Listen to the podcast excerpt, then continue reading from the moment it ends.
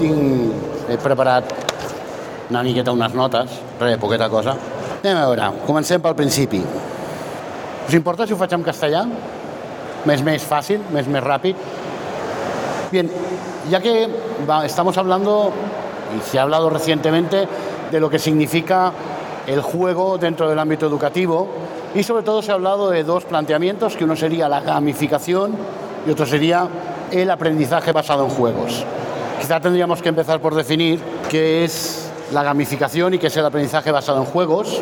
Definimos gamificación como el uso de estrategias, modelos, dinámicas, mecánicas y elementos propios de los juegos en contextos ajenos a estos, con el propósito de transmitir un mensaje o unos contenidos o de cambiar un comportamiento a través de una experiencia lúdica que propicie la motivación, la implicación y la diversión. Gamificar es plantear un proceso de cualquier índole como si fuera un juego. Los participantes son jugadores y como tales son el centro del juego y deben sentirse involucrados, tomar sus propias decisiones, sentir que progresan, asumir nuevos retos, participar en un entorno social, ser reconocidos por sus logros y recibir retroalimentación inmediata. En definitiva, deben divertirse mientras se consiguen los objetivos propios del proceso gamificado. El aprendizaje basado en juegos, por otro lado, es el fenómeno que conjuga el aprendizaje... Vaya coñazo que os estoy dando, ¿no? Vaya chapa. Pues eso es lo que se encuentran los chavales el 90% de las veces.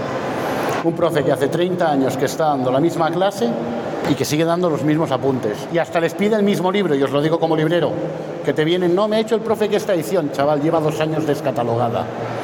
No, pero el profe dice la ha usado toda la vida, sí, claro, pero ya no. Bueno, ¿qué es gamificar? Gamificar sencillamente es convertir una clase en un juego. No es jugar, eso es otra cosa, lo veremos luego. Gamificar es sencillamente coger técnicas propias de los juegos, como por ejemplo el asignar puntos por conseguir cosas, como por ejemplo el establecer equipos que juegan entre ellos o unos contra otros, eso es gamificar, eso es una cosa. Otra cosa sería el aprendizaje basado en juegos. ¿Qué es el aprendizaje basado en juegos? El aprendizaje basado en juegos es coger un juego y usarlo para que aprendan algo. Yo les puedo enseñar matemáticas, yo puedo hacer trabajo de cálculo mental, pero si los pongo a jugar a Magic the Gathering, os juro que el cálculo mental se dispara de una manera salvaje. Y están jugando. ¿Vale? Entonces, quizás yo soy más de la línea del aprendizaje basado en juegos que no tanto de la gamificación, que también tiene sus beneficios. Pero lo importante, ¿por qué gamificar o por qué utilizar el aprendizaje basado en juegos? Pues bueno, muy fácil. Lo primero, porque es un aprendizaje activo.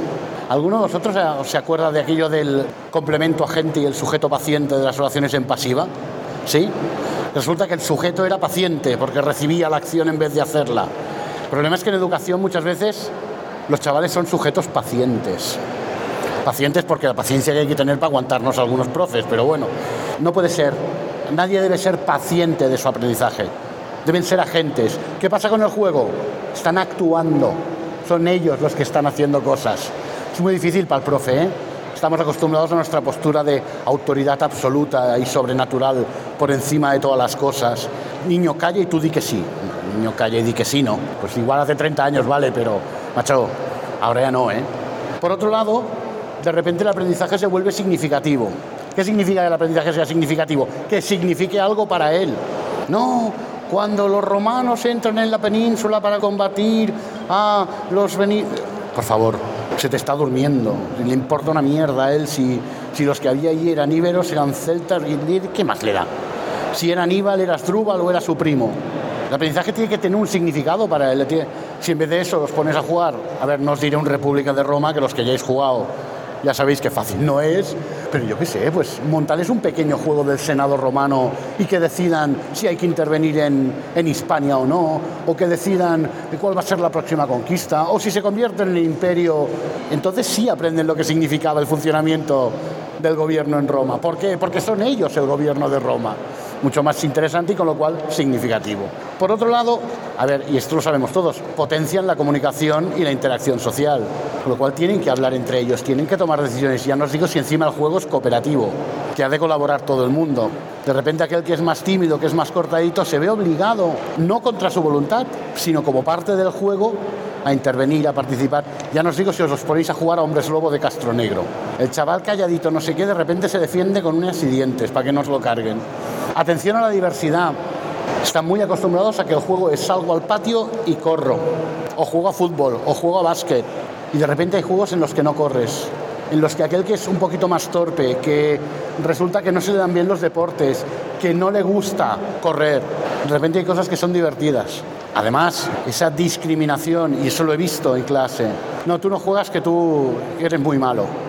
Resulta que a lo mejor el que es muy malo es un crack luego jugando al Catán. Y de repente todos es, bueno, no, queremos jugar con este. Cambiar las variables a nivel sobre todo social, ¿no? Permite una cosa muy interesante y es que les permite enfrentarse al conflicto, pero de una manera segura. Es decir, hay discusiones, pocas veces hay peleas, porque hay unas normas establecidas que forman parte del juego. Y alucinaríais de verdad ¿eh? de cómo cuando uno hace trampas, el resto se enfrenta a él diciendo, no, hombre, no, pero que te has cargado la diversión del juego. No es que nos vas a ganar, no, no, es que así no se juega. Lo mismo que hacen en el patio. Eso se convierte en parte de la clase. Importantísimo hoy en día, básico. Gestión de la frustración. Aprenden a frustrarse, aprenden a que no les salgan las cosas y que no pasa nada porque desengañémonos, llevamos 40 años comiéndonos manuales de autoayuda que nos dicen, sí, eres el mejor, tú puedes conseguirlo todo. No, es mentira. Es mentira. Yo por mucho que estudie no voy a ser Albert Einstein, porque soy de letras, leche. Si ya me costaba la física de segundo de bachillerato, ¿qué coño voy a hacer yo estudiando ahí astrofísica? Me voy a volver loco. Teoría de la relatividad, ¿qué? No me la intentes explicar.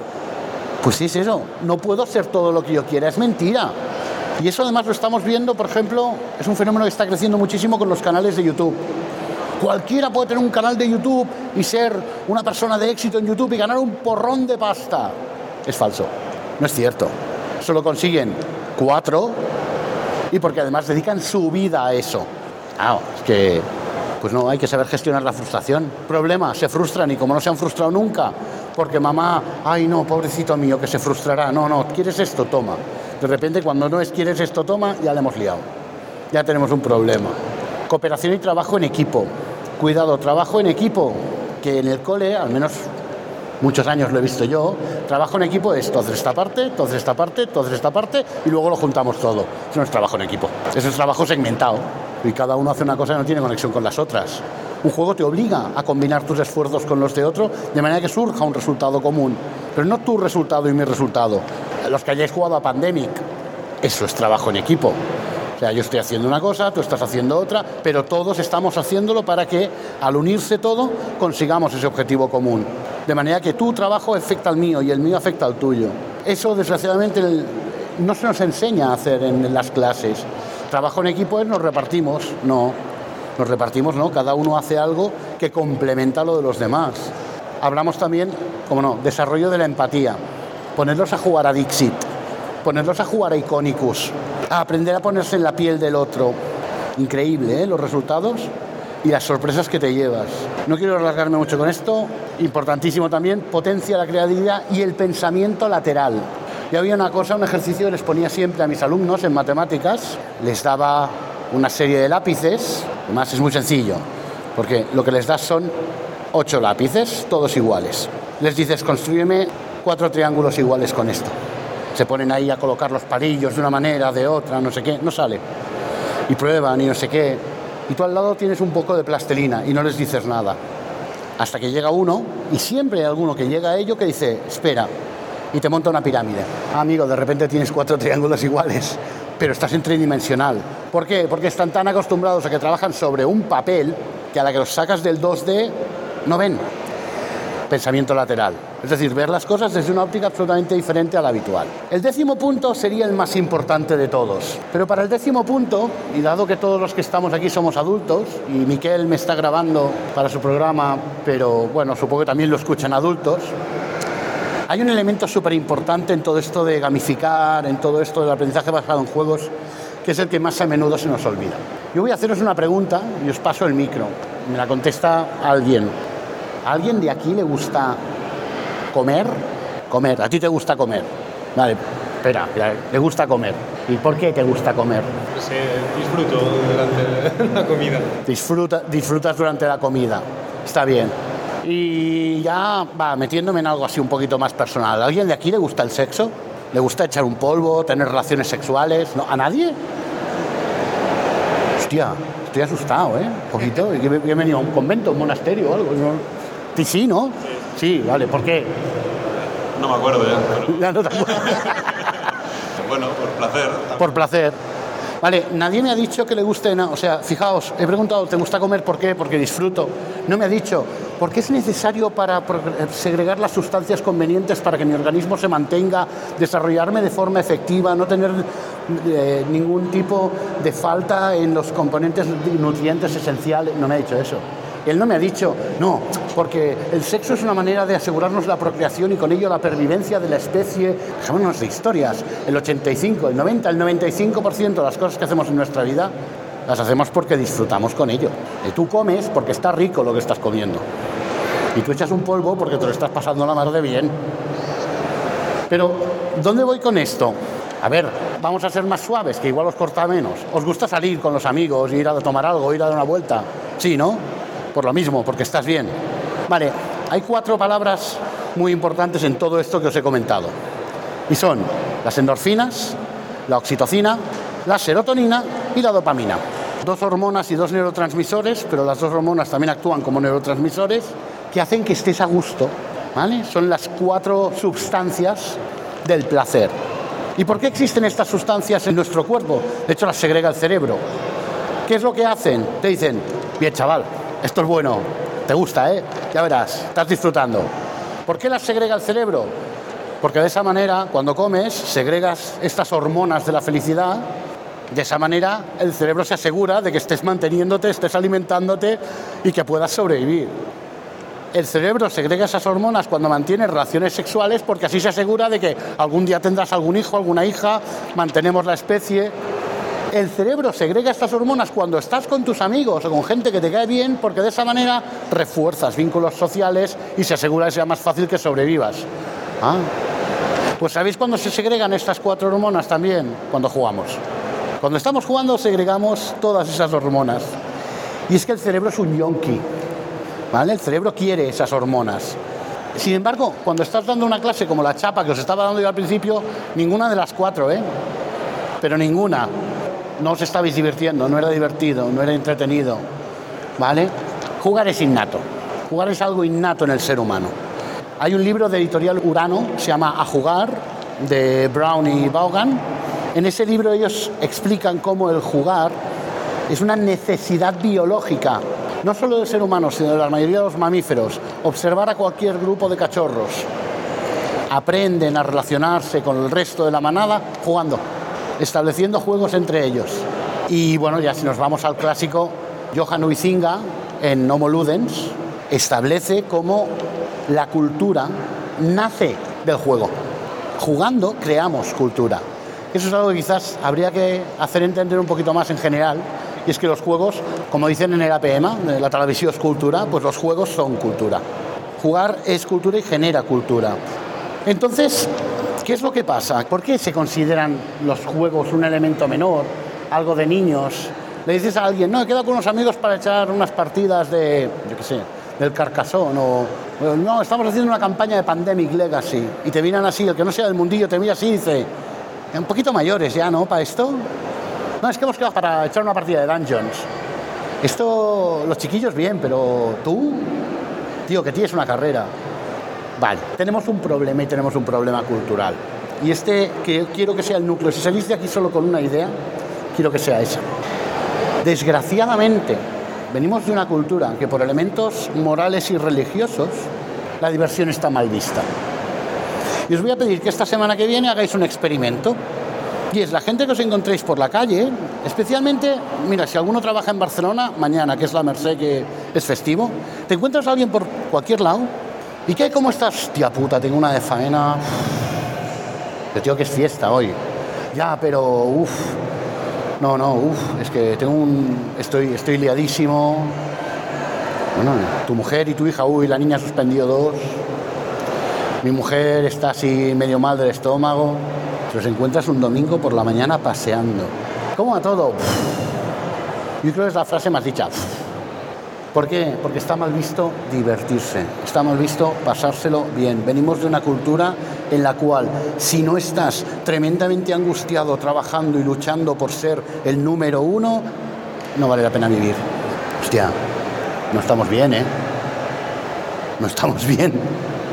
¿Por qué es malo divertirse? Que alguien me lo explique. Pero si es el cerebro que me está pidiendo que me divierta. Si es que hay cuatro hormonas que se están encargando de decirme, te lo estás pasando bien. ¿Qué pasa? ¿Están ahí por error? La naturaleza se le fue un patinazo y nos dejó ahí cuatro hormonas que no sabía para qué eran. Sin embargo, seguimos haciendo eso. La primera respuesta es, estoy muy cansado, tengo mucho trabajo, no paro. Tío, dime que estás tanto estoy de coña. Mira, estoy paseando con mi mujer y mi hija y me lo estoy pasando, pero como los chinos, tú. Estoy encantado. Hoy he quedado con unos amigos para jugar esta tarde. Ah, no. No, no. No, te voy a explicar que la semana que viene tengo dos reuniones y estoy muy liado y no sé qué. Pero bueno, esta tarde, no, esta tarde, no, me veré con unos amigos, pero poquito rato. Estamos locos. Pues eso se lo hacemos a los chavales. Eso mismo lo estamos trasladando a los chavales. Y a los adolescentes, que todavía es peor. Porque a unos chavales dirán, pues el profe es un rollo. Pero los adolescentes se te rebotan, ¿eh? Los adolescentes se te enfrentan, porque ya tienen criterio. Y el problema está en que nos hemos olvidado de ponernos de rodillas. Sobre todo si estás trabajando con chavales, te has de poner a la altura de los chavales. Hay que ponerse de rodillas, hay que mirar el mundo desde su óptica. Y los niños lo que quieren es jugar y pasárselo bien. Y los adolescentes lo que quieren es jugar y pasárselo bien. Y os voy a decir un secreto. Los adultos lo que queremos es jugar y pasárnoslo bien. Pero no nos lo reconocemos ni a nosotros mismos. Nos negamos a admitirlo. ¿Por qué? No, es que queda fatal que yo diga que, joder, pues yo sigo quedando cada viernes noche y cada domingo tarde con mis amigos para echar las partidas. Y orgulloso, ¿eh? Salgo a las nubes de trabajar que dices, me iría a casa a dormir ahora. Eh, coño, yo quiero jugar, vamos a pasárnoslo bien, ¿no? Pues lo que tenemos que intentar ahora es cambiar esa visión. Y la única manera de cambiarlo es que la próxima vez que alguien venga y os pregunte, ¿qué, cómo vas? En vez de, pues decirle bien, ¿Que podemos estar mejor? Todos. Pues que si os vais a Bill Gates, que está forrado de pasta, seguro que también puede estar mejor, ¿eh? Todos podemos estar mejor. Pero vamos a empezar a reconocérnoslo un poquito. Vamos a empezar a jugar y a dejar que el juego sea parte de nuestra vida. Y sobre todo, y de ahí viene el nombre de la conferencia, vamos a dejarles jugar. Cuando queramos introducir el juego en clase, cuando queramos gamificar, el objetivo no es que aprendan. Aprender aprenden aunque no queramos. El objetivo es que se lo pasen bien, porque entonces querrán aprender. Gracias.